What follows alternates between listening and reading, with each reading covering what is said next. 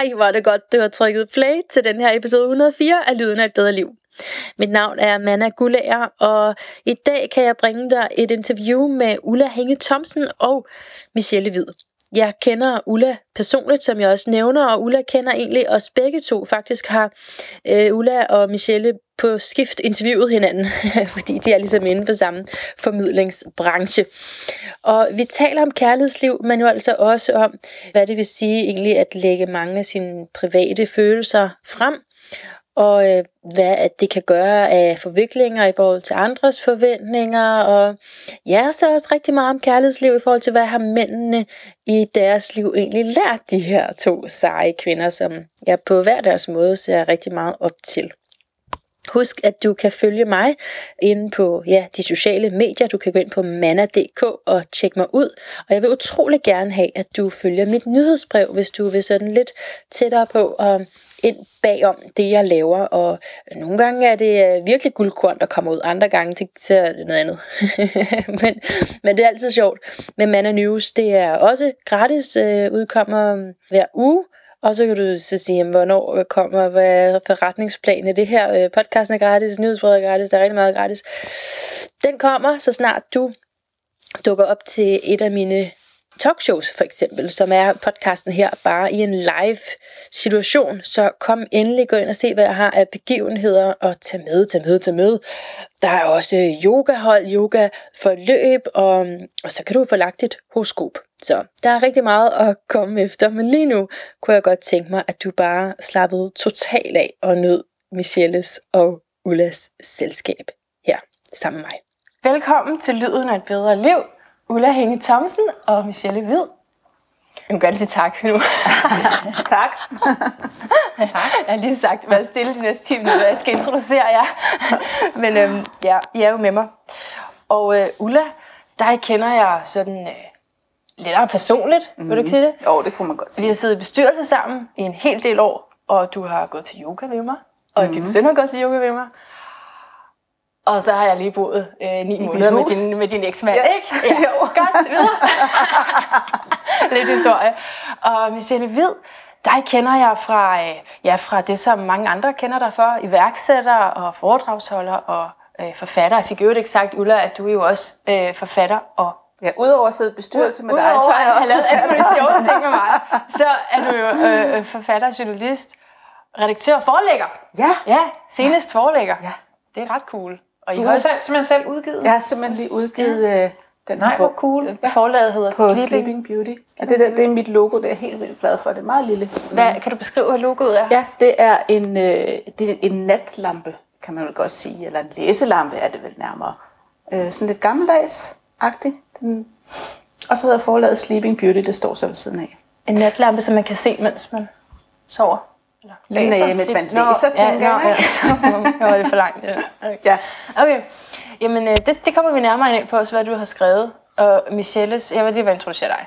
Så forfatter, iværksætter, foredragsholder, øh, og sådan en, som øh, mange interesserer sig for, hvordan det lige går med også på den sådan private horisont. Ikke? Øhm, og jeg stødte selv på dig i øh, Hvids varmestue først, mm. er jeg ret sikker på, fordi øh, at lige pludselig så, så hørte jeg sådan et program, der handlede om et eller andet, der sådan interesserer mig. Jeg er jo i dit segment, ikke? Øh, men så begynder verden at græde, som, altså dig, ikke? Øh, og, og så begyndte jeg for alvor at interessere mig for, hvem du var. Og hvad græd jeg over? Jamen, det var, det var kærlighedslivet, og det er jo det, vi skal tale om i dag også. Det, var og det kan man godt komme til at græde over. Den har jeg også hørt, men jeg mener, det var før. Okay, men jeg tror måske, at det er en af de eneste, hvor sådan decideret har kræft. Okay, men det var, det var lige før, det skulle okay. til slutte. Så okay. det var sådan, nej, jeg var lige sådan, hvad var det der? Ikke? Fordi at, øh, det, det, jeg elsker ved dig, det her øh, hashtag uden filter, mm-hmm. ikke? At, øh, at vi får lov at se mennesket bag. Mm-hmm. Og mhm. det var sådan, jeg, jeg ved ikke, om det er dig, der har startet bølgen, men jeg, i min virkelighedsoplevelse, så kom der en bølge der omkring sårbarhed, lige, lige der omkring. Øh, din første hvids varmestud. Hvornår startede du det radioprogram? Jamen, det var lige efter, at jeg havde været syg, og det er fire år siden, jeg var syg, ja. så det har været tre et halvt år siden eller sådan noget. Ja.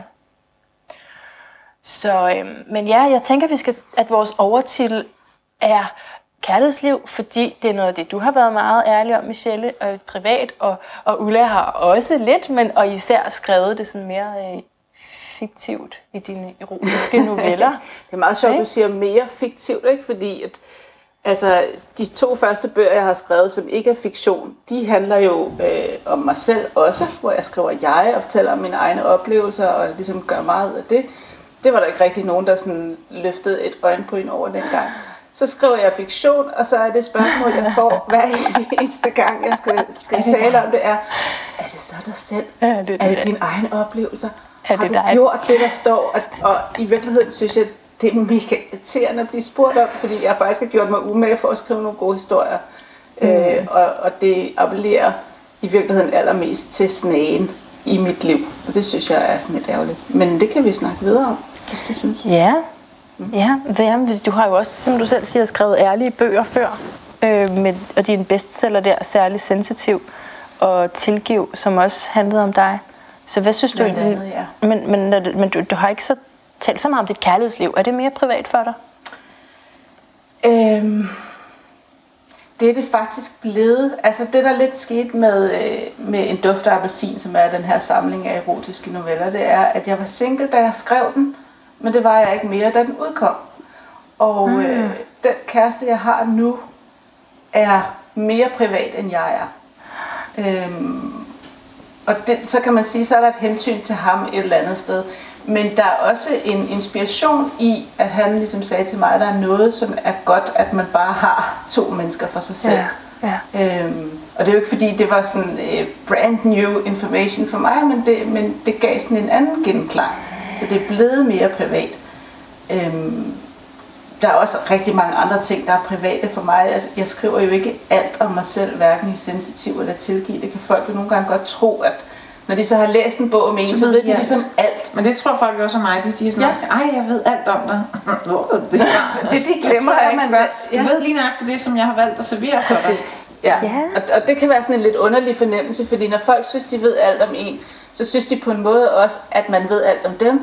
Så vi kan ligesom springe nogle led over og tale enormt intimt, enormt hurtigt, selvom vi egentlig ikke kender hinanden. Det kan være sådan lidt...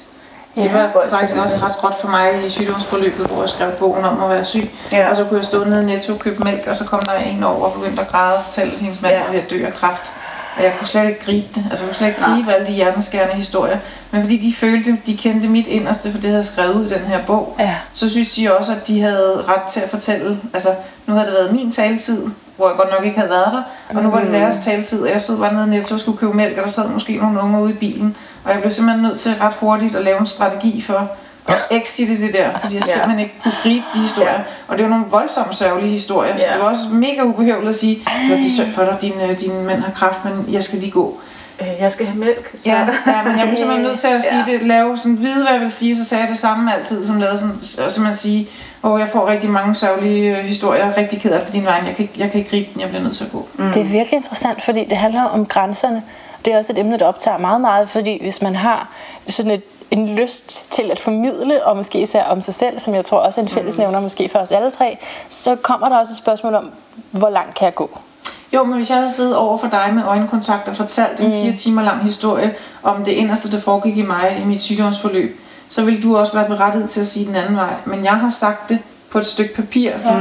uden ja. et feedback. Ja. Og, og, og jeg har ikke, du har ikke gjort dig berettiget til, ikke dig lige nu her, som du sidder her, men læseren ude i virkeligheden har jo ikke gjort sig berettiget til at fortælle den samme historie den anden vej. Jeg har jo ikke skrevet min historie for, at der så var 6 millioner, der skulle fortælle mig den samme historie den anden vej. Jeg kan ikke gribe, altså, vi kan ikke gribe det. Jeg vil så sige lige i, i forhold til det der med øh, novellerne, der har det jo så været lidt mere fornøjeligt, at folk synes, de havde lyst til at fortælle deres egne historier, fordi det har så også været en effekt af det, at når folk hørte, at jeg var i gang med at skrive erotiske noveller, så blev de sådan glade og fik farve i kinderne og fik lyst til at fortælle. Jeg havde for eksempel en hel aften, hvor jeg havde to øh, kolleger ude, som kom i tanke om alt muligt, de havde oplevet, da de var unge, som de synes, de Det gerne ville skide dele. sjovt. Men det er og så det var fedt kollegaer, jo. det er jo også noget, det, der har du allerede en relation, hvor du har lyst Ja. til at indgå i den interaktion. Ikke? Jo. Ja, det er interessant nu, hvor vi kan, også kan selvudgive. I har jo så i bøger, men alle kan jo sådan set skrive ret private ting om deres liv. Ikke? Men hvad det så lige gør, og hvor langt vi kan gå med det. Altså, fordi så en ting er, at så det her med at gribe alle folks historier, som får lyst til at fortælle det til dig, men hvad ellers er konsekvensen ved at stå frem, som du gør? Jamen, jeg har lige haft en meget, øh, meget øh, fin øh, spejl op foran mig, fordi jeg havde et øh, arrangement i øh, januar, hvor at jeg skulle øh, lave noget velgørenhed.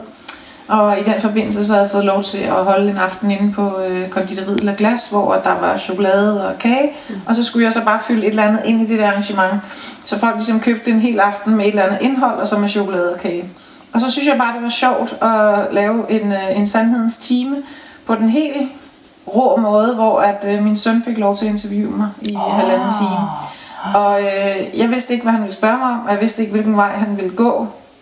Og jeg er faktisk aldrig nervøs, når jeg skal holde foredrag, men jeg var sygt nervøs. Mm. Og jeg prøvede at spørge ham i flere uger op til, Åh, hvad, hvilken vej går du, hvad spørger du om, og skal vi lige snakke det igennem? Og han sagde bare iskoldt hver gang, du har solgt et arrangement, der hedder Sandhedens Team. Oh. Det er det, jeg leverer. Ikke? Og en af hans... Uh. Øh, ja, det var, men det var meget, meget fint aften, vil jeg så sige. Det var meget, meget fint. Jeg var mega stolt af det her mm. bagefter.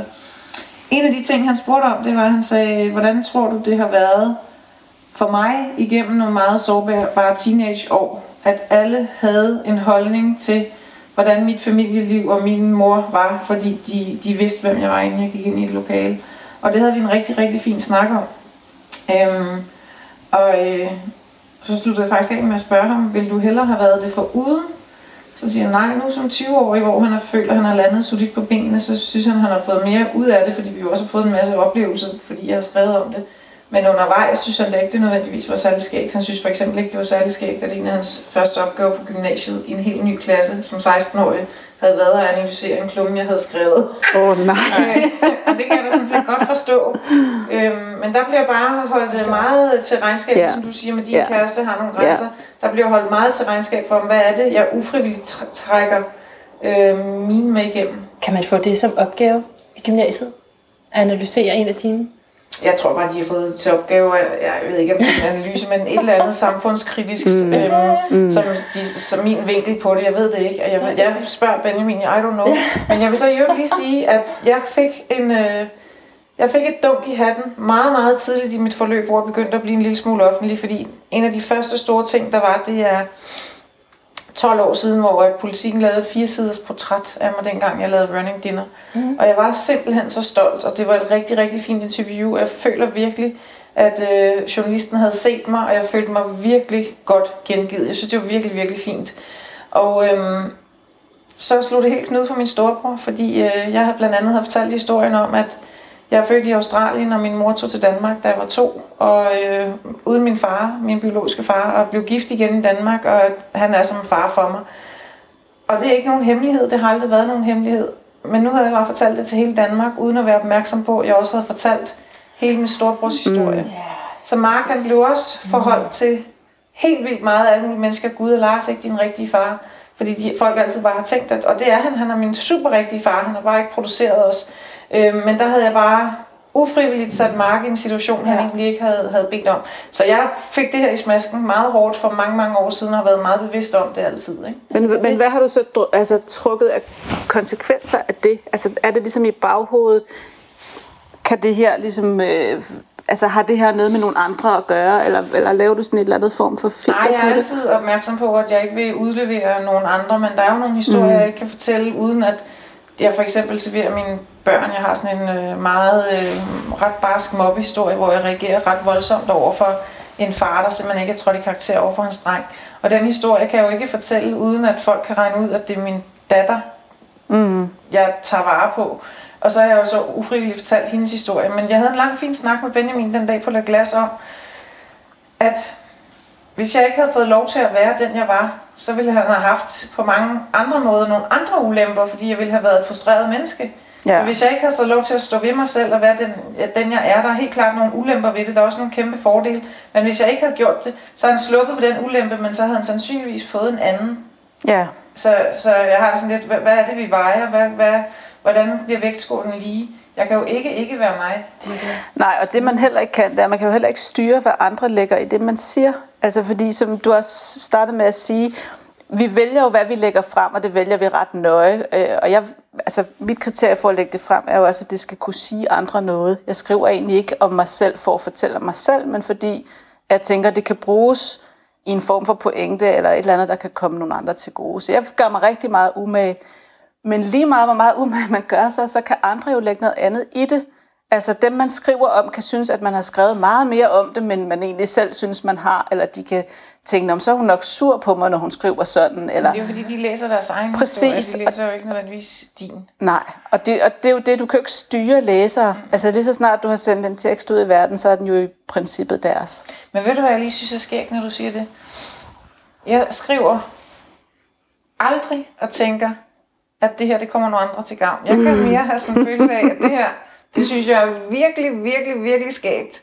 Og hvis jeg er den eneste på kloden, der forstår, hvor sjovt det er, så synes jeg stadig, det er sjovt. Mm. Men hvis der er nogle andre, der også kan finde morskab i det, så skal de være så velkomne. Ja. Men, øh, men jeg er meget lidt bevidst om, altså faktisk overhovedet ikke bevidst om, at øh, om det er smart eller ikke smart, det jeg gør, eller om andre kan bruge det til noget. Hvis de kan bruge det til noget, så be my guest. Hvis de ikke kan, så har det stadig sådan.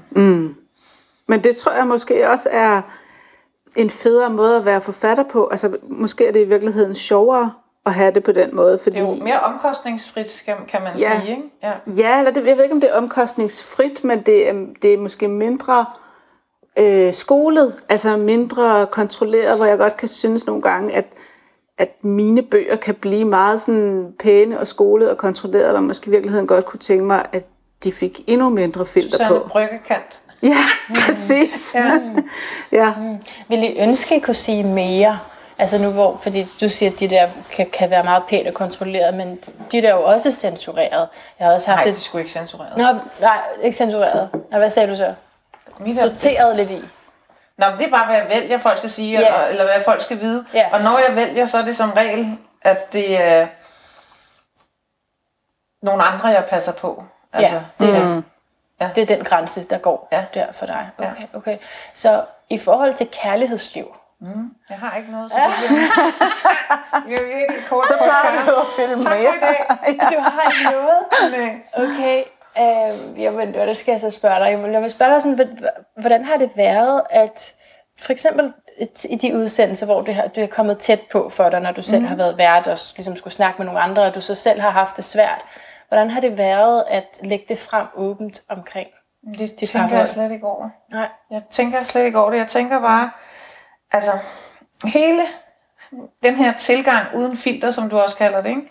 den kommer i virkeligheden på et fundament af, at jeg, da min søn, som nu er 20, da han var cirka 4, det vil sige 16 år siden, gav op. Jeg følte ikke, at jeg kunne finde ud af at gøre det rigtigt. Jeg følte aldrig, jeg sagde de ting, jeg måtte. Jeg følte aldrig, jeg reagerede, som jeg skulle. Jeg synes altid, mit tøj var lidt forkert. Jeg synes, min, jeg synes bare, alt var forkert. Og så er der sådan helt... Øh, helt øh, altså, jeg kan huske, hvilket tøj jeg havde på. Jeg kan huske, hvad klokken var. Jeg kan huske måneden. Jeg kan huske, hvordan møblerne stod. Episode, hvor jeg simpelthen har en følelse af, nu giver jeg op. Jeg gider ikke at prøve mere. Jeg kan ikke finde ud af det alligevel. Så nu gør jeg bare fuldstændig, som det passer mig.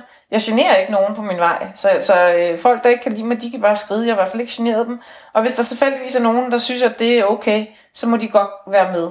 Og så viste det sig jo helt mirakuløst, at næsten alle mennesker havde det på samme måde, så jeg blev grebet i en grad, jeg overhovedet aldrig havde. Jeg troede, jeg ville falde igennem, ikke?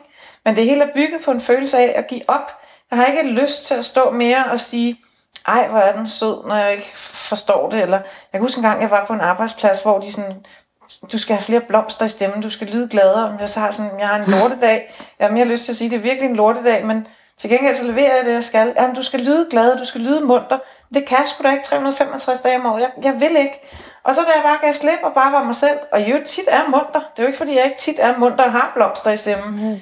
Jamen, så var det bare meget mere troværdigt, og så kom den her autenticitet bare igennem for fuld knald, ja. som ligesom er blevet mit varetegn, uden at jeg har nogensinde lagt en strategi for det. Ikke? Okay. Øhm, så jeg tænker aldrig, jeg tænker bare, hvis folk ikke kan lide lugten i bageriet, jamen så lugter der stadig sådan. Altså, Det er sådan her, det er. det er sådan her, det er. Mm. Og dem, der kan lide det, dem vil jeg rigtig gerne have som mine mennesker. Ja. Og dem, der ikke kan lide det, dem skal jeg nok ikke bruge en masse energi på alligevel. Mm. Jeg gider ikke at stå og prøve at overvinde en, en forsamling i håber om, de godt kan lide mig. Men det er slet ikke mig, de har set.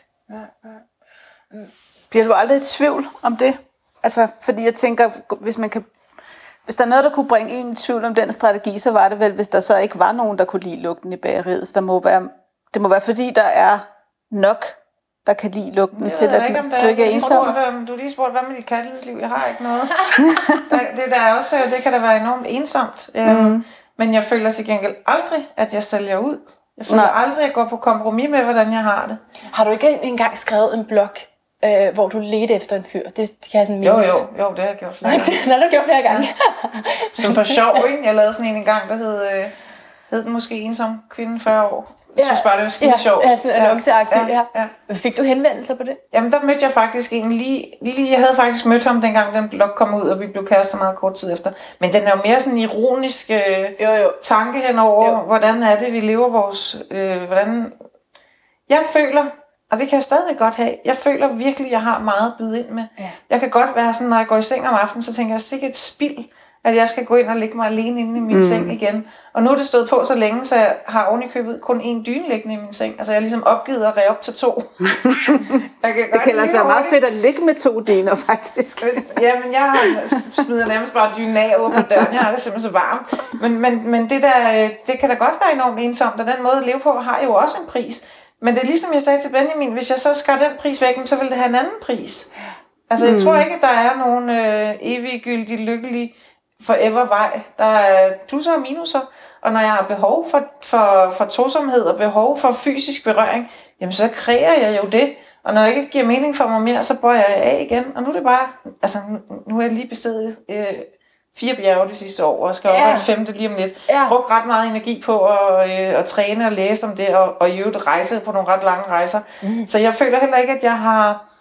Der er nogle virkelig skønne mænd, der skriver til mig, men jeg føler ikke, at jeg har kunne gribe den ærligt, fordi jeg vil ikke give møde mig lige nu, fordi jeg er ikke fokuseret. Jeg er fokuseret på, at jeg skal op på et bjerg på Borneo, og jeg er fokuseret på, at om et par måneder skal jeg bestige et bjerg på 6,2 km i Himalaya. Øhm, og jeg, er ikke, jeg har ikke sindssygt meget tid til at indgå en, en relation. Jeg gad ikke møde mig der, hvor jeg er lige nu. Mm. Øhm, så når jeg møder nogen, jamen, så er det så primært været fysisk. Øhm, Så ja. du, du gider ikke at møde dig, der hvor du er lige nu, så det, dermed siger du også, at du ikke har lyst til at møde en mand lige nu. Jeg synes, at det er uærligt, når jeg kan se, at der er et virkelig skønt menneske, som rent faktisk har noget at byde ind med, har en relation, så føler jeg ikke, at jeg er et sted, hvor jeg kan gengælde det, eller har lyst til at gengælde det. Mm. Så Ulla, den her erotik, ikke? Jeg kommer til at tænke på, øh, hvad skal der til, før det opstår? Erotik? Ja, fordi din bog er fyldt med sådan hverdagseksempler på øh, noget, som Ja. man kunne Altså, øh, den tanke, jeg havde, øh, da jeg skrev dem, det var sådan en følelse af, at alt kan jo ske. Altså, jeg tror, jeg var sådan lidt et, øh, et, sådan et, et boblende sted, hvor jeg tænkte, at øh, ligesom en krimiforfatter, der ligesom kan se mor alle steder, så kunne jeg også se mu- muligheder for erotiske møder alle steder. Om det så var i fitnesscenteret, eller på caféen, eller på yogarejsen. Og det er det forhåbentlig, ikke?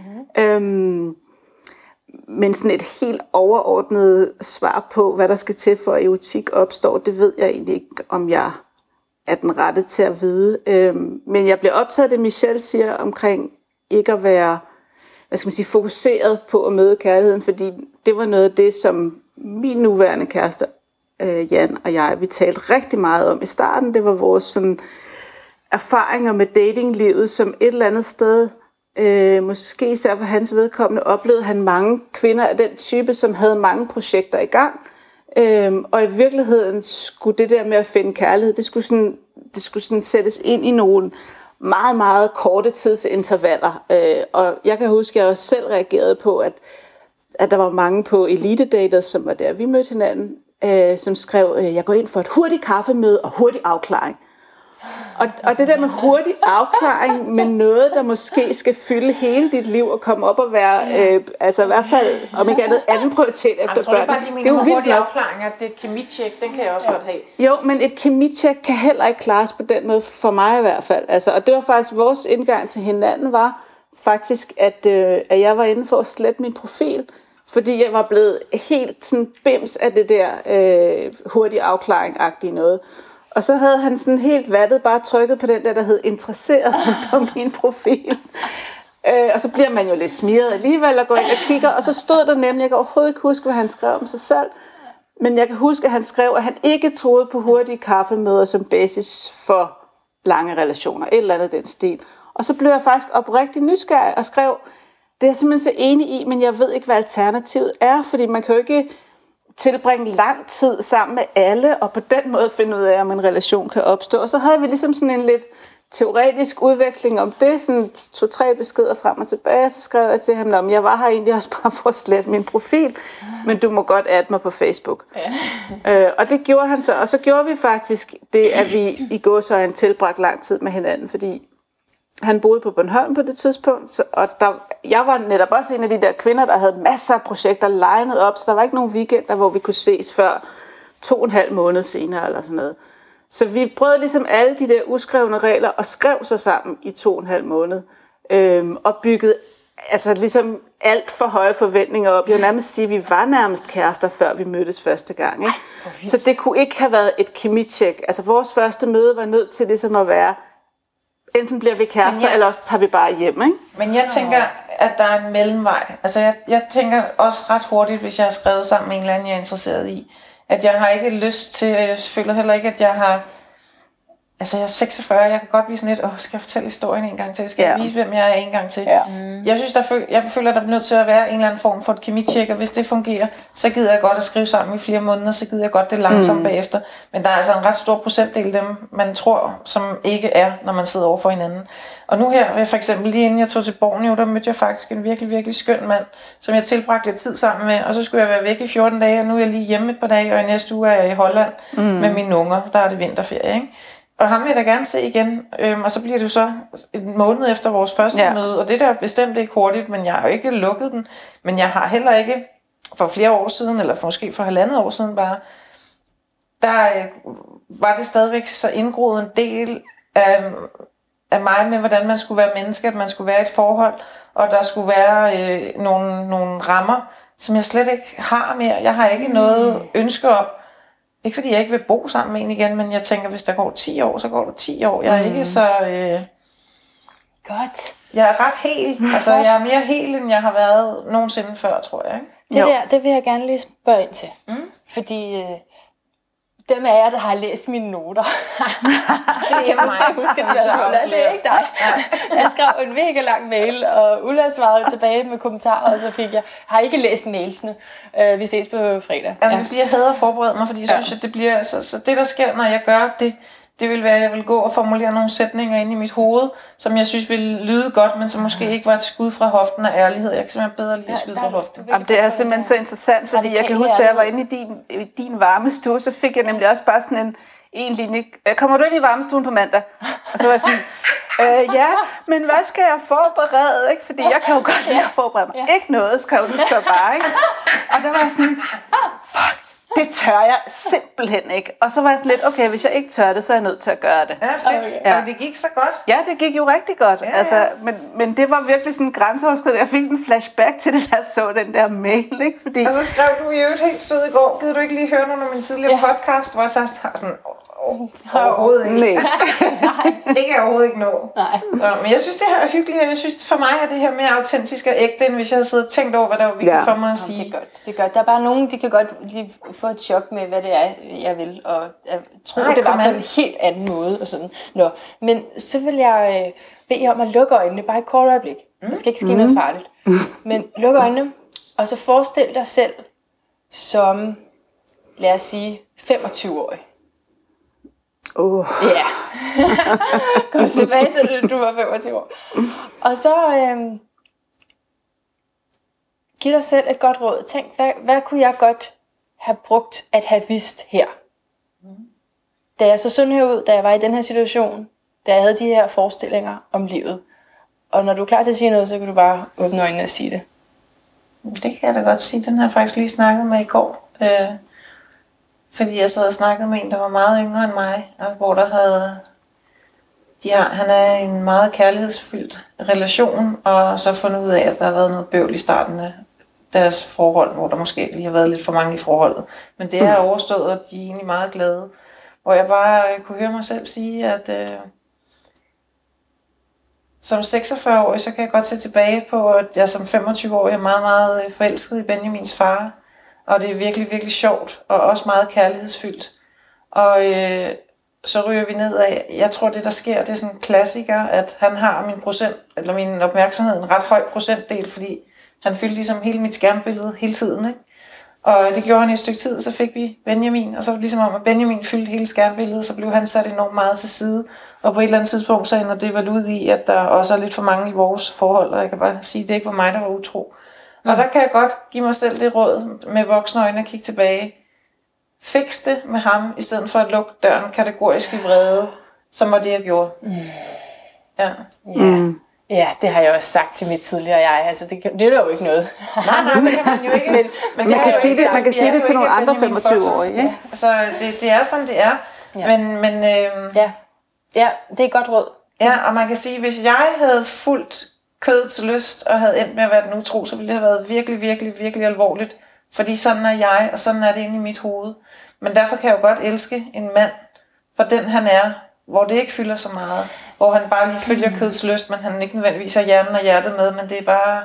Ja, kan ja. du sige noget mere om det? Fordi det, det er noget, som du har lært efterfølgende i andre forhold, ikke? Jeg ved sgu ikke, om jeg har lært det. Jeg har jo ikke effektueret det endnu. Jeg siger bare, at hvis jeg skal give et råd til mit 25-årige ja, ja, jeg, ja, ja. så er det at være en lille smule... Faktisk vil jeg sige, det jeg, det jeg har lært, du spørger, hvad jeg har lært. Ja. Det jeg har lært, det er, at man skal elske et menneske for det, det menneske er. Du skal ikke elske det menneske for det menneskes potentiale. Mm. Hvis man elsker et menneske, så elsker man det menneske med A-sider, B-sider, og D-sider, F-sider, K-sider, og hele lortet. Man kan ikke næsten elske et menneske, men være vred på en side af det menneske. Man bliver nødt til at tage hele lortet. Mm. Mm. Godt. Ulla, hvad, hvad siger du til din? Jamen, altså, jeg, det var en øh, lidt hård rejse tilbage, fordi øh, jeg var gravid som 25-årig ja. med en, øh, en mand, jeg egentlig ikke kendte særlig godt, og som øh, jeg faktisk var gået fra på det tidspunkt. Øh, og jeg boede i en toværelses lejlighed på Nordre Fasanvej med brusekabine i køkkenet, øh, og havde ingen penge overhovedet. Øh, så kærlighedsmæssigt, pokker skulle jeg have sagt til mig selv der, Altså, jeg har jo tit fortalt min datter, som jeg var gravid med på det tidspunkt, at det var jo det bedste, der overhovedet var sket for mig på det tidspunkt, at jeg blev gravid.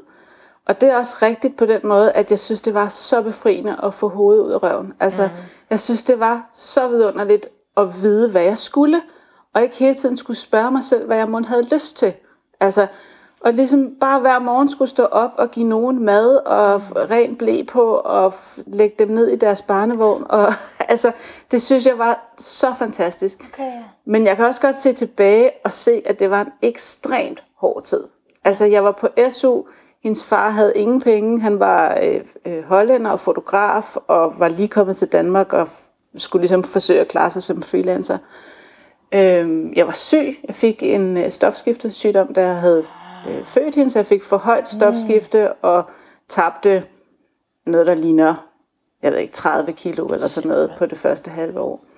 Øhm, så så jeg, hvis jeg kigger tilbage på det der 25-årige jeg, så, så synes jeg egentlig, at hun efter omstændighederne klarer det skide godt. Hun, hun fortjener altså, ikke noget godt råd. nej, altså ikke andet end måske så...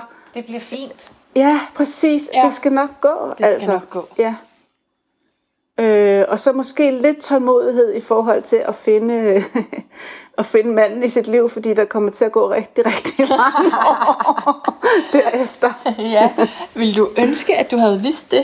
Det var et meget interessant spørgsmål om, om altså, det, det man kunne måske godt være blevet slået lidt ud, hvis ja. man vidste, at der skulle gå over 20 år. Ikke? Ja. Øhm, på den anden side, så havde det måske... Øh, taget lidt af presset af de forskellige forhold, som jeg var i, fordi at de ligesom skulle opfylde alle mine ønsker, og det er ikke sikkert, at et forhold kan det gennem et helt liv. Det har det i hvert fald ikke kunnet for mig. Godt, altså, det, det synes jeg er rigtig ja. interessant, fordi jeg jo også har, hvis jeg indgår i et forhold igen, og det gør da forhåbentlig, mm. så, skal det, så skal det kunne nogle helt andre ting, end det skulle, da jeg var 20, og da jeg ja. var 25, og da jeg var 30, da jeg var 35. Og her som 46-årig, øh, så skal det faktisk bare gøre mig glad og seksuelt tilfredsstillet. Ja. Hvor at for 10 år siden skulle du skaffe mad og skifte en blæ og købe Præcis. mælk på vej hjem, ja. og hjælpe til med at støvsuge ja. og invitere romantiske rejser. Og hold kæft, hvor gad jeg ikke have været min egen kæreste. Men så det ville han ikke skulle i dag? Nej, nu, nu er der jo ikke nogen blæer at skifte, men hvis der Det var kan være, det... det bliver min snart. Der er sådan flere perioder, hvor der skal skiftes blæ. Der er flere Sådan den perioder i livet, vi får fase. oplevet den sidste. Jamen, det er sandt. Men det er faktisk, altså, det der med en, der ligesom er der, når man bliver gammel, det kan, altså, det kan jeg godt få glimt af at tænke på nu, og det har jeg godt nok aldrig nogensinde tænkt på før. Altså det der med at have nogen at føles med tiden ud, så at sige. Ikke? Ja, det er så sjovt, fordi den har jeg haft i øh, altid. Har du altid tænkt? Og nu har jeg den ikke mere. Nu tænker jeg bare ligegyldigt hvad, så kan jeg bare se, at øh, hvis vi kigger på historien, at jeg sindssygt god til at leve mit liv, og jeg er sindssygt dygtig til at skabe indhold mm. i mit liv, og sjove hverdage, og, og vigtige relationer, og fantastiske unger, og det skal nok blive godt. Ja. På den ene eller den anden måde. Jeg har sådan lidt, altså på den ene side, det der med, at det samme forhold har ikke ligesom kunne opfylde alle mine behov gennem livet, og det har, har jeg på en måde sluttet fred med, og så kan jeg alligevel godt mærke, at der er sådan lidt en, en melankoli i forhold til ikke at have mødt øh, Jan, for eksempel, da jeg var 25. Altså, vi har krydset hinandens spor ekstremt mange gange. Også dengang, jeg gik rundt med min øh, barnevogn på? Motorfasanvej. Ja, der boede han på Godthåbsvej. alene. Altså, så jeg er måske gået ind i ham. Kunne ikke? lige være Og kommet så over, tak? kan du lige flytte dig fra min barnevogn, ikke? Øh, og rigtig mange gange senere også i løbet af Men prøv at livet. høre, hvis du havde mødt ham, da du var 25, så kan godt at I ikke havde været rigtigt for hinanden. Sagtens. Det er jo det. Jamen, det havde vi formentlig ikke. Men jeg kan godt alligevel have den der... og Den er jo ikke sådan brugbar til så meget, men, men når jeg kigger på nogle af dem, der har været sammen hele livet, øhm, så er der bare et strejf af et eller andet med, om det fik jeg så ikke, eller det, det fik Hvorfor vi fik ikke. du simpelthen så meget andet. Ja. Jeg Kan du synes, at det det, dog? Hella Juf har sådan en rigtig skøn betragtning, hvor hun siger, øhm, hvis du vil bytte noget ud med en andens liv, ja. så er det 100%. Ja. Du kan ikke tage håret fra en, og øjnene fra en anden, og manden fra en tredje, barnet mm. fra en fjerde, og økonomien fra en femte. Og hvis du tænker den måde, at hvis du bytter med nogen, så er det 100%, jamen, så er der jo ikke nogen på kloden, du vil bytte med. Nej. Det er rigtigt. Det er en, det er en god regel Det er en god regel. Ja.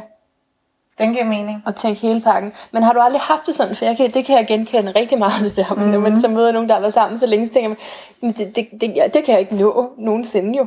Men jeg tror også, det er noget med, altså, når Jan for eksempel fortæller mig om øh, øh, de år, han arbejdede som forlagschef, mm. eller da han spillede fodbold som ung, eller altså alle de der forskellige ting, da han var, øh, altså da han blev far, selvom det er jo absurd, for jeg ville jo ikke kunne være der så vel, det var en anden, der var mor til hans barn, Du vil gerne have været der. så, så kan jeg jo kun få det at vide som historier, eller billeder, eller, ja. altså, jeg kan ikke møde ham som ung, for eksempel. Ja. Altså, øh, og han kan aldrig møde min mor, for eksempel. Hun er her ikke mere. Jeg kan ikke møde hans far. Altså, det er mere, det er mere der er nogle, på en eller anden måde nogle brikker, vi er nødt til at lægge på en anden måde i det der puslespil, som er hinanden, ikke?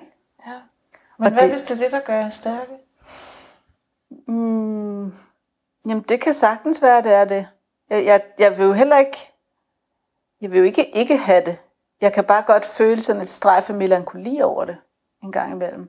Men det er jo fordi, at jeg, at jeg synes, vi er fantastiske sammen, så derfor vil jeg bare gerne have mere jo. Altså, det er jo i virkeligheden sådan en grådighed, ikke? Jo, altså, Måske er I så fantastiske sammen, fordi I netop var klar til at møde Ja, hinanden. altså det siger mm. han jo. Han siger, at han har gået rundt og øvet sig på at, Ja, lige nøjagtigt. at blive min. Lige nøjagtigt. Ja. Det jeg holder øvet sig på at blive med. Ja. Den var fin.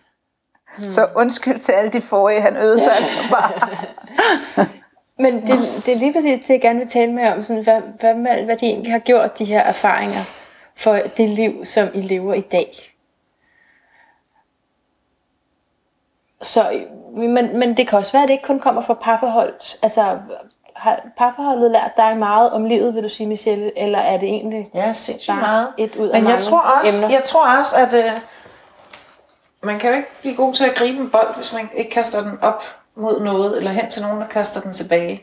Så hvordan skal jeg lære mig selv at kende, hvis jeg sidder alene uden skov, og ikke spiller bold med nogen? Mm. Jeg lærer jo også mine egne grænser, mine egne præferencer, min egen seksualitet, og min egen humor, og min egen alt muligt at kende, ved at have relationer og kaste bolde til højre og venstre og se, hvordan de bliver resoneret, og lære, om jeg i virkeligheden har lyst til at gribe dem eller ej. Øhm, og øh, jeg kan da sige helt sikkert, at alt for længe i mit liv har jeg været rigtig glad for at gribe bolde fra virkelig smukke mænd, der ikke behandlede mig særlig godt, men som var så smukke, så mennesker vendte sig og kiggede efter dem på gaden, men de var ikke særlig søde ved mig.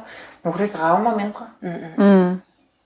Så der, der er i hvert fald et skifte. Ja, ja, men Ja. jeg kunne jo ikke have lært det, hvis jeg ikke havde kastet Nej. de, altså hvis jeg åbenbart ikke forstod det Nej. 53. 20. gang, så i stedet for at begræde 54. 20. gang, så må jeg netop øh, fejre, at der fattede jeg det. Ja, du nåede at fatte det, kan Der man nåede sige. jeg endelig ja. at fatte det. Ja. Ja. Øhm, jamen jeg, jeg tror bare, at... Øh, og- det lyder sådan helt hippie halløj, og hun fuld af løgn eller noget, men jeg, jeg er sindssygt glad for mine livsfaser.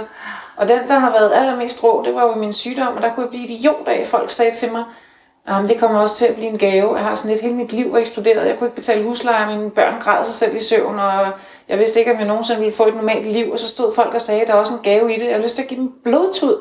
Men nu er det fire og et halvt år siden, eller fire år, nogle måneder siden. Og der er en kæmpe gave i det, og jeg synes, jeg lever mit liv enormt begavet efter hjertet. Jeg synes, jeg er sindssygt dygtig til at mærke efter og leve efter hjertet. Og det, er en stor del af det, af det udspringer der af, at jeg var lige ved at dø. Så ja, ja, den livsfase er jeg så også gået hen og kommet til at holde af. Ja. Med den Ja. forsinkelse. Ja. Øhm, så jeg kan ikke sige... Og så synes jeg jo, når jeg ser sådan nogen, der tænker, Ej, eller skriver, bare jeg var 20, eller bare jeg var 30, eller gud, var det sjovt, da jeg var 15. Sådan har jeg det også. Hold kæft, var det sjovt at være 15. Hold kæft, var det sjovt at være 20. Og 21, og 22, og 23 og hele vejen. Og jeg vil bare kun være på vej mod 47. Ja. Mm. Jeg synes bare, jeg er et skide godt sted. Og i den kraft, så har jeg det også sådan, at jeg synes, jeg har mere tilbud, end jeg har haft nogensinde før. Fordi der er ikke så mange dæmoner og drager, de skal slås med, fordi jeg er ret helt. Så når det sker, så sker det. Men jeg behøver ikke at jagte det helt vildt. Præcis. Så egentlig, jeg har også nogle gange øh, i podcasten prøvet at lave sådan en livshack, altså fortæl mig det, du ved nu i din alder, og så jeg kan gøre det, ikke? Og det er jeg godt klar over, at det ikke helt fungerer sådan, fordi man er nødt til at gå igennem nogle faser, ikke? Øh, men det er jo meget interessant, hvad du på din alder siger nu til, altså, Og så vil jeg øve hvad, lige hvor det tidligere har været. Jeg synes, det er sindssygt vigtigt at sige, at de fleste mennesker, som sad og sagde, hvad jeg sagde nu, det er ikke noget, jeg opsøger, når det sker, så sker det. De vil øh, nok ikke bruge noget energi på det. Altså prøv at høre, jeg er stadig på Tinder. Og jeg har ovenikøbet sådan et guldabonnement på Tinder, så jeg kan se, hvem der liker mig, så jeg bruger ingen tid på at swipe. Men jeg kigger hver aften og kigger på de mænd, der har liket mig. Ja, okay. Og hvis der er en af dem, jeg synes, der ser interessant ud, jamen så skriver jeg med ham, og så mødes jeg med ham, og så går jeg på en kaffedate med ham. Så det kan godt være, at jeg i mit univers siger, jeg bruger ingen energi på det her. Men det gør jeg da selvfølgelig. Jeg kunne da godt tænke mig at møde en. Men hvis der går to år, så går det to år. Jeg føler mig ret helt. Ja. Men det er jo ikke som om, at jeg øh, ikke svarer tilbage, når der er en, der skriver noget, eller ikke nej. kigger efter en smuk mand på gaden, eller hvad fanden ved jeg. Der er bare en anden ro i dig. Ja, og så er det på et, på et, altså, jeg kan jo godt have sådan nogle veninder, jeg har lyst til at, at ruske og skubbe lidt op ad en væg og sige, tag dig sammen, mand. Ja. Øhm, Hvorfor? fordi de ikke gør en skid. For at finde en. Ja, Okay. okay. og det er jo ikke, fordi jeg ikke gør det. Altså, jeg har en veninde, der har fået et donorbarn, efter hun ikke har været på en date i fire år. Det synes jeg simpelthen er en forlidt erklæring. Jeg synes, der skulle være... Øh, jeg synes, det er så fint med donorer og donorbørn og alt muligt andet, men jeg synes, det skulle være forbudt at vælge at indgå en relation med et barn alene, når man ikke engang har forsøgt at hænge sig selv til tørre. Jeg hænger mig selv til tørre hele tiden. Men hvad tror du er grunden til, at der er nogen, der ikke gør det? For jeg synes, jeg kan også ligesom se to ret skarpt adskilte grupper. Nogen, der aldrig kommer i gang, og så nogen, der netop altså, er derude og, og ligesom siger åbent til universet, jeg vil gerne på Mhm. en eller anden måde. Altså, og det, når man kigger på de ydre tegn på dem, så er der jo egentlig ikke nogen forskel. Altså, det er dejlige kvinder på vores alder, som ser godt ud og kan alt muligt og virker hele, men nogen virker bare så bange for det. Altså, øh, og lukket og øh, sætter så mange krav op, at det er helt sikkert, der aldrig nogensinde vil være nogen, der kunne leve har op slået til det. sig så sindssygt meget, så de tror, det gælder deres overlevelse. Jeg havde en Det har jeg da også. øh, Det har jeg da også slået mig så meget, at jeg nærmest vil Jamen, dø du af må det. ikke slå indimellem. dig så meget, så du ikke turer igen. Altså, Nej, fordi alternativet er værre. Ja, for dig. Ikke? Ja. Ja. Ja, men jeg har det på samme måde. Jeg synes jo også, at turen i kulkælderen er jo ingenting for til turen på den lyserøde sky. Så jeg op præcis. på den lyserøde sky igen for at ryge ned den kulkælder, så synes jeg stadigvæk, der har været sjovest på den lyserøde sky. Det er det værd. Øhm, det er det værd. Hvad sagde din psykolog? Jamen, det var, ikke, det var nu ikke min psykolog, det var en, øh, i forbindelse med et sygt barn faktisk, og i, i forbindelse med noget øh, OCD, øh, hvor at hun snakker med faren til det her barn, som jeg faktisk så på det tidspunkt. Og den her far var sindssygt frustreret over, fordi hun gjorde mærkelige ritual, rituelle ting.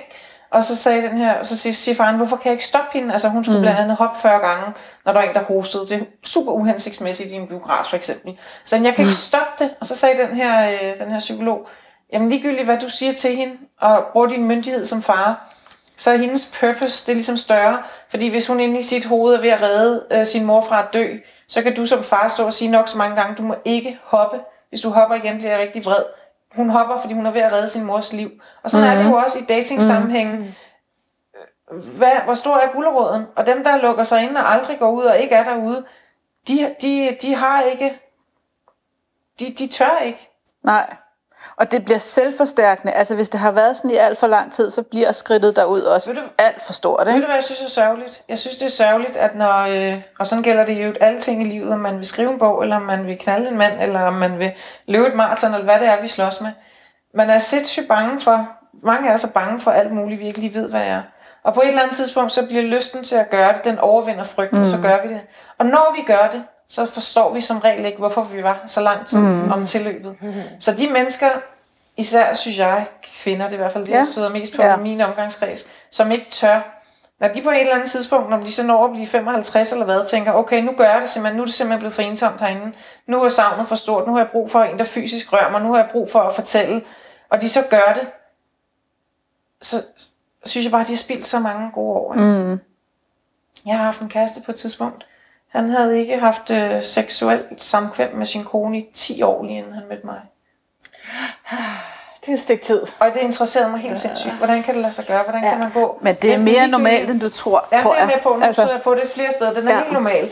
Men der, der, der havde det bare sådan lidt, ligegyldigt hvilket hus, du spærrede mig ind i, hvilken mand i 10 år, så vil jeg knalde ham på et eller andet tidspunkt. Altså, det vil jeg, så vil jeg korse på en eller anden nat klokken 3, så jeg tænke, det her det er en rigtig god idé. Og så godt være bare over 3, og tænke, åh, det var ikke så smart. Men det vil jeg gøre. Så det fascinerer mig, hvordan kan det lade sig gøre, at de har et uh, samkvem, og I, I, I er i et status af et parforhold, hvor folk tror, I sover sammen, men I sover ikke engang i samme værelse i 10 år.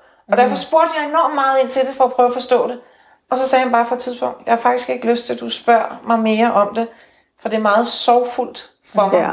at jeg har spildt 10 år af mit liv. Ja. Og sådan er det også med de kvinder, der pludselig 10 år senere går på Tinder, mm. eller går på en date, eller tager til dans, eller begynder at ro kajak, eller hvad de gør for at møde den ene sten. Ikke? Jo.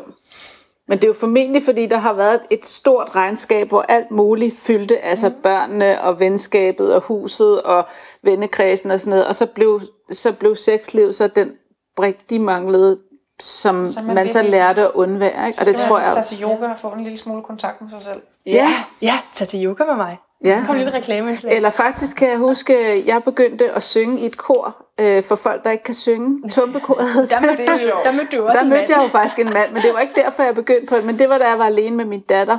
Ja. Øh, der har hun været 6-7 år eller sådan noget. Tumpekoret, altså, det var, undskyld, men det er virkelig sjovt. Det, det var fantastisk, sjovt. og det der faktisk det var... Det var hinanden der også. Ja, det er lidt sjovt. Det kan man sige. Jeg er jeg godt kan synge lige nu.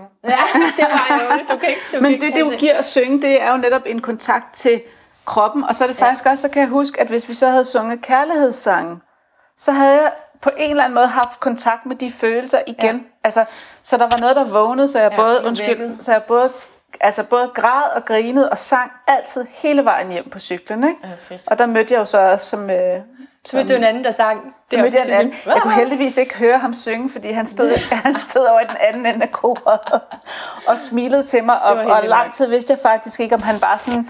Du, Undskyld. Er du ikke så god til det Nej, ikke så god til det med mikrofonen.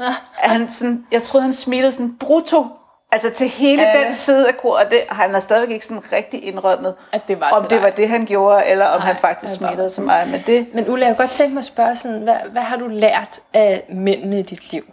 Hvis du skulle give sådan tre ting, som du tænker. Jamen, det kan jeg ikke, fordi jeg har lært noget forskelligt af dem alle sammen. Ja. Øhm, Altså, der har været nogle stykker, og de har været vildt forskellige. Og det, der jo sker, når man engagerer sig så meget i et andet menneske, som man gør, når man er i et parforhold, det er, at man ser en bestemt måde at være i verden på, helt tæt på.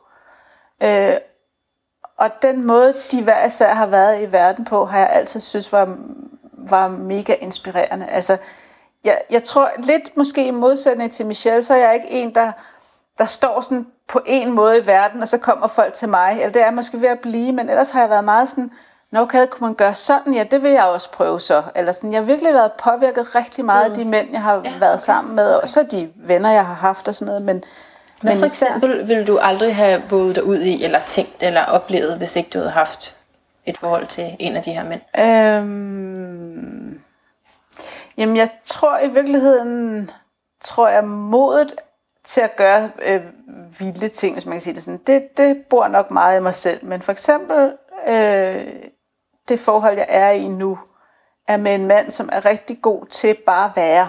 Altså til, at der ikke behøver at ske så meget andet, end at man går en tur og snakker sammen og laver mad og ser en serie og går i seng. Og det kan lyde sindssygt kedeligt, og det er det aldrig. Altså det er, det, der er så meget fylde i hans måde at være i verden på, fordi han har været god til at skabe den selv. Øhm, og det bliver jeg virkelig inspireret af. Altså så kommer man jo, jeg kommer egentlig ret hurtigt til at kede mig ellers, men det gør jeg faktisk aldrig sammen med ham, fordi han er god til at, at putte noget mening i, i små ting, hvis man kan sige det sådan. Ikke? Og det er jo en, en kæmpe ballast at have med, for så behøver man faktisk aldrig kede sig. Altså, øhm, Jeg kunne enormt godt tænke mig at sige øh, noget nu lige, lige Ja. inden vi startede tænde mikrofonen, og sad vi og snakkede om øh, mit besøg hos Hassan Prejsler. Nu siger Ja. jeg så lidt noget af det Ja. samme, som jeg Ja. også sagde hos Hassan. Når I støder på mig, så er jeg op på et bjerg, eller i fjernsynet, mm. eller i radioen, mm. eller i et eller andet, vi gør. Så det billede, folk har af mig, er, at jeg har sindssygt meget fart på. Og er helt sindssygt kommunikerende. For I støder aldrig på mig, når jeg ikke er kommunikerende. Mm. Altså, jeg sætter mig jo ikke ind i et radioprogram og til at stille i to timer. Nej. Og jeg sætter mig jo ikke ind til Clement og ikke siger noget. Så når I støder på mig, så er jeg altid kommunikerende. Mm. Så det billede, folk har af mig, og også jer lige nu her i stuen i dag, det er jo, at jeg er kommunikerende hele tiden. Ikke? mm, Jeg er ligesom din kæreste. Jeg kan godt være inde i den her lejlighed i fem dage, og ikke engang gå ud og handle. Jeg får råvarerne leveret, og øh, jeg snakker ikke med nogen. Jeg tager ikke telefonen, når den ringer. Jeg gider måske ikke engang se serier. Jeg kan godt have hele dage, hvor jeg ikke engang kigger på skærmen, men hvor jeg skriver og kigger op i loftet. Og mine venner kender det som, hvad laver du? Jamen, jeg kigger op i loftet, og det kan jeg faktisk mm. godt få 8-10 timer til at gå med hver evig eneste dag. Og folk tror, det er løgn, fordi de tror, at jeg altid er den her kommunikerende. Og det er faktisk en af mine problemer i dating-sammenhængen, at de mænd, der falder for mig, eller tror, de falder for mig, de Ah, reagerer ja. på mig, når de ser mig i alle mulige øh, eksponerede sammenhænge, og tænker, hende der, det er sjovt, der er fart over feltet, det skal jeg. Og så i løbet af meget kort tid, så har de sådan, at der sker jo ingenting. Der sker jo ikke en skid. Nej, men jeg kan godt få en hel dag til at gå med at overveje bag boller, så ikke helt får det gjort alligevel. Øhm, min eksmand, og det er sådan en stående joke, min eksmand ville have et samtalekøkken, fordi jeg aldrig sagde noget. Så han, det var Han ville helt have samtalen. Han ville have, han ville have et samtalekøkken, i håb om, jeg sagde noget. Og der, det er jo sådan en interessekonflikt i, fordi jeg er jo dygtig til at kommunikere, jeg er dygtig til at være social, jeg er dygtig til at holde hof, jeg er dygtig til at holde foredrag, så det er den sammenhæng, jeg altid støder på mig i. Men det er ikke nødvendigvis mit, mit virke. Og det er jeg blevet mere bevidst om de sidste par år, at jeg kan sindssygt godt lide at være i fred. Min sidste episode her for en uge siden var med stillhedsrevolutionen. Mm.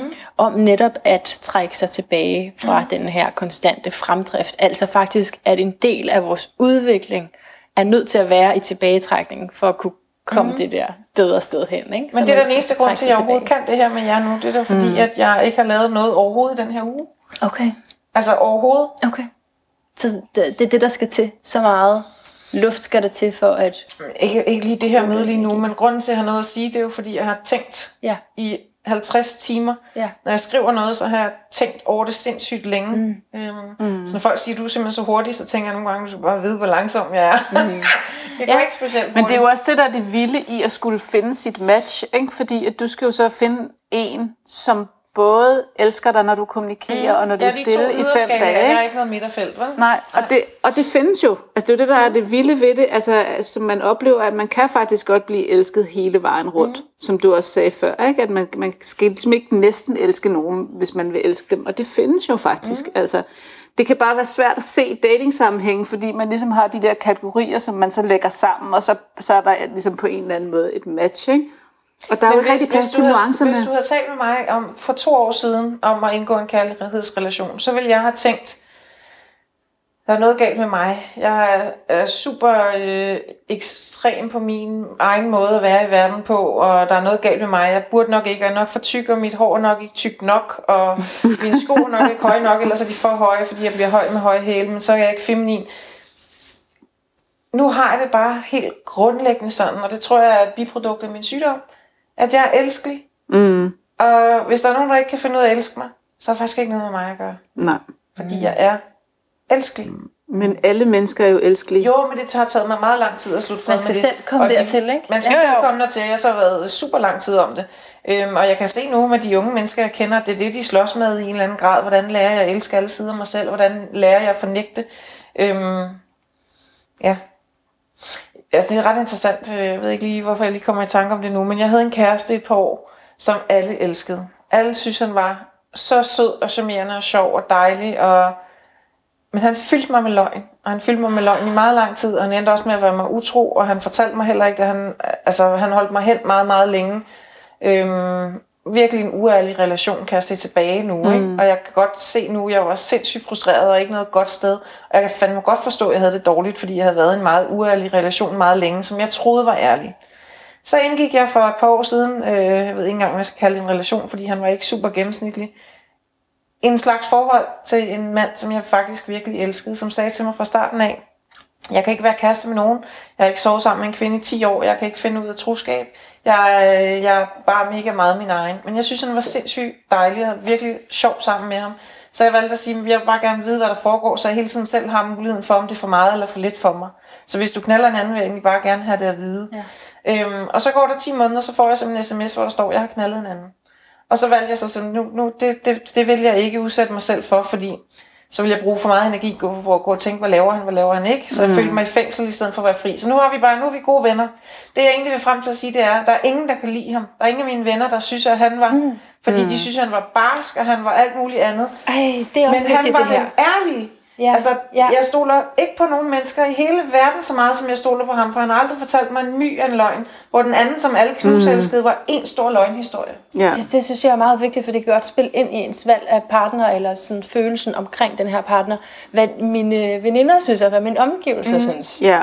Ja, det valgte jeg så for endelig at være fuldstændig ligeglad med. Ja, Ikke? fedt. Ja, men det kan du godt lave et lifehack på. Ja, Og sige? Det er at nu fra os gamle damer, at det behøver du ikke at tage med ind. Det er godt. Fordi ja. ja. veninderne er der jo ikke, jo når ikke du dem, skal, der skal være, leve når du skal med være i parforhold med ham. Og i øvrigt, så vil det, de synes om ham, øh, som regel handle om dem selv, og hvad de synes om deres egne forhold og deres Og egne de mænd. er lige nu i livet. Ja, så du kan, ikke, du kan ikke rigtig bruge det til noget. Det, du kan bruge det til noget, det er, hvis der er nogle få, der er helt ærlige og synes, at du ikke virker glad. Men selv da er det jo dit eget valg at være i et forhold, der lige nu ikke gør dig glad, hvis det er sådan. Ikke?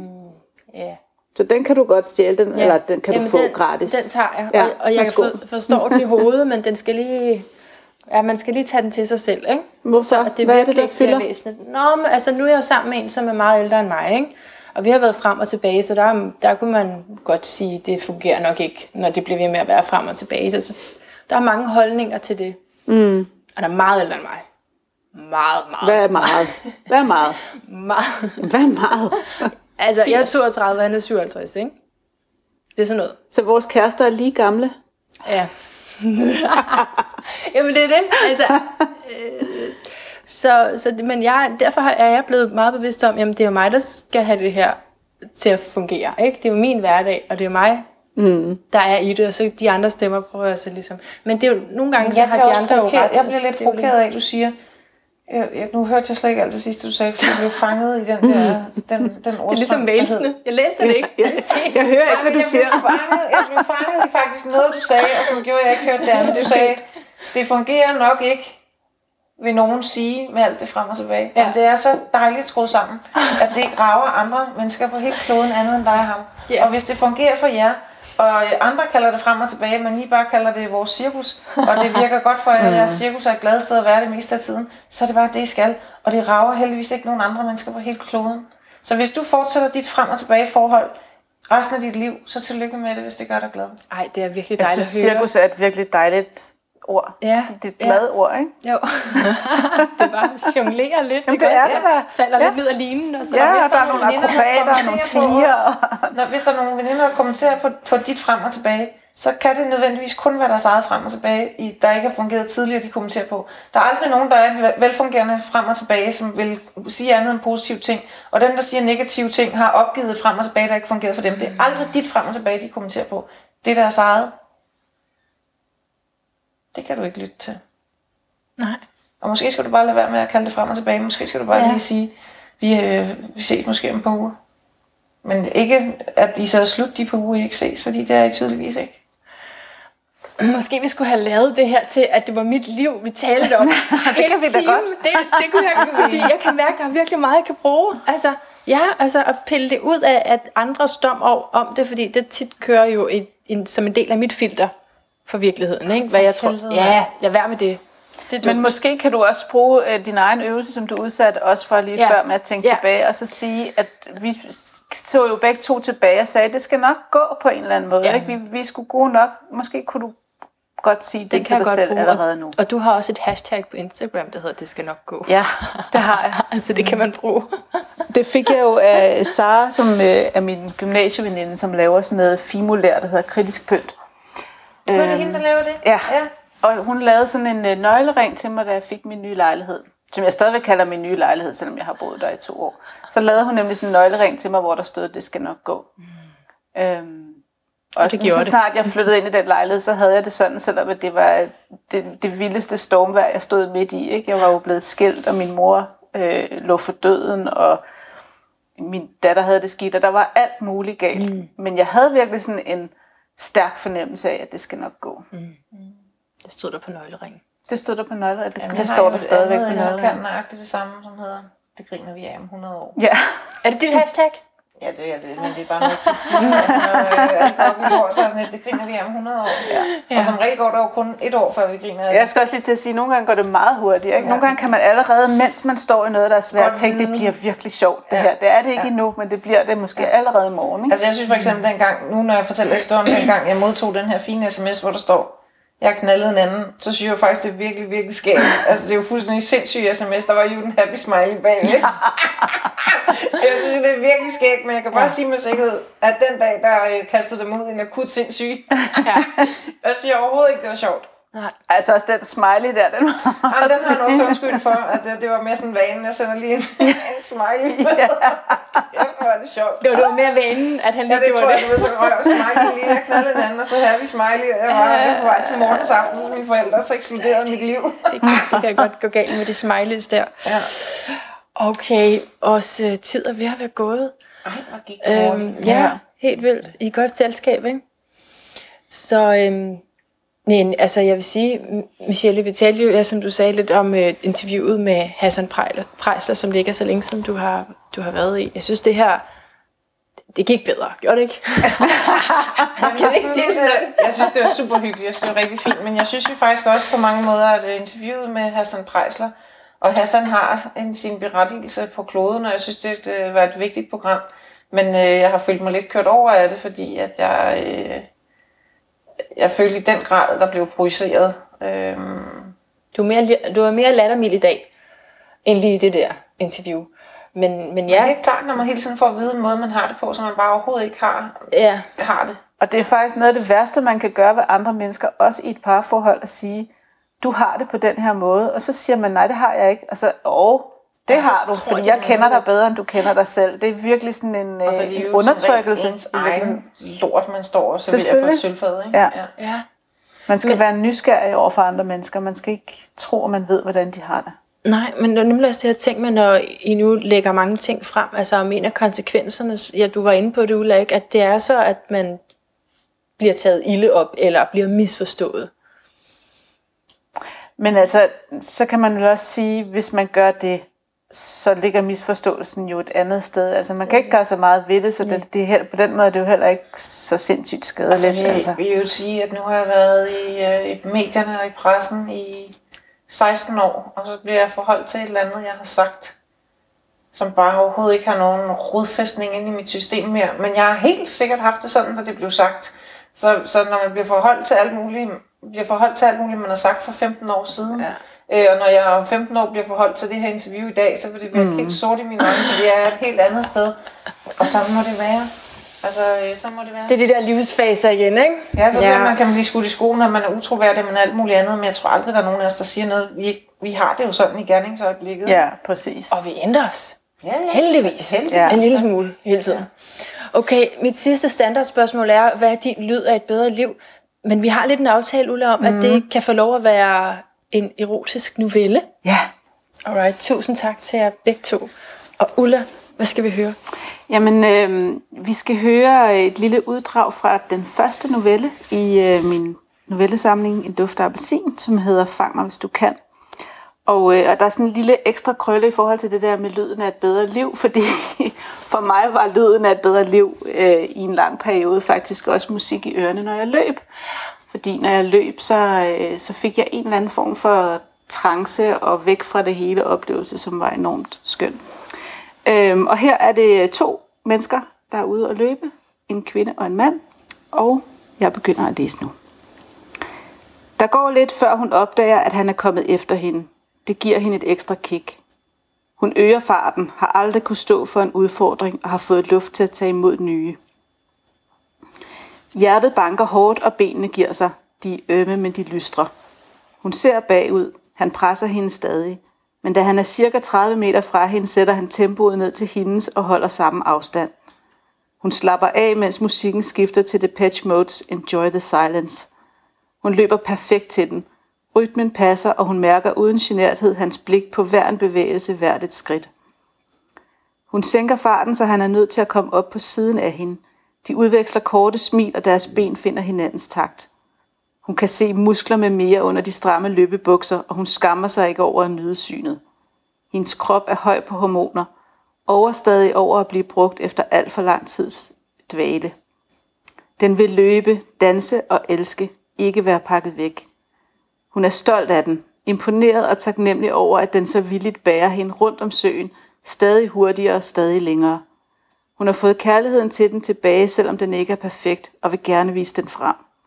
Hun vil have ham til at gøre den glad, som kun en mand kan. Det suger i mellemgulvet ved tanken. De når vandposten samtidig. Grådige drikker de efter tur. Hun først, så han, så hun igen. Hun er mest tørstig. Vandet driver ned af hagen på hende, og han træder lidt nærmere, så hun kan lugte hans sved. De er lige våde. Hun ser på ham og sender ham en hurtig invitation, som hun kan se bliver vel modtaget. Han træder helt tæt på, lægger hænderne på hendes hofter, kysser hende rundt om munden, slikker det overskydende vand af. Hun er stadig forpustet fra turen, og hans kys gør det endnu sværere for hende at trække vejret roligt. Hun lægger en, en hånd om hans nakke og en om hans baller. Musklerne svulmer under det tynde stof, og de er ikke alene om at svulme, mærker hun nu. Hun klemmer om hans baller og nakke, trykker sig op af ham, og han kysser hende tilbage, præcis som hun vil kysses. Han smager salt og godt, som om han allerede har været over alt på hende, men det har han ikke. Ikke endnu. Først skal de lidt afsides ind i engelsk læskur. Derinde bliver de hurtigt grådige. De ved, hvor vigtigt det er at bevare momentum, hvor hurtigt man kan komme ud af takt. De kysser, griber fat, rykker tættere på hinanden. Løbetøj bliver trukket ned, hun knæler og smager på ham, sutter og slikker og, slikker og synker, og han stønner i afbrudte sætninger, at han er vild med det, hun gør. Så rejser hun sig igen, trækker op i t-shirten, så han kan løfte sportsbehoven op og kysse hendes bryster. De er våde af sved, og brystvorterne er rejste. Nu begynder det at regne udenfor, en voldsom forårsby. De tager hinanden på samme måde, som regnen angriber taget. Hårdt og godt. De begynder at komme samtidig. Alt bliver vådt. Men det er lige meget. De er svedige og beskidte i forvejen, og regnen fjerner alle spor.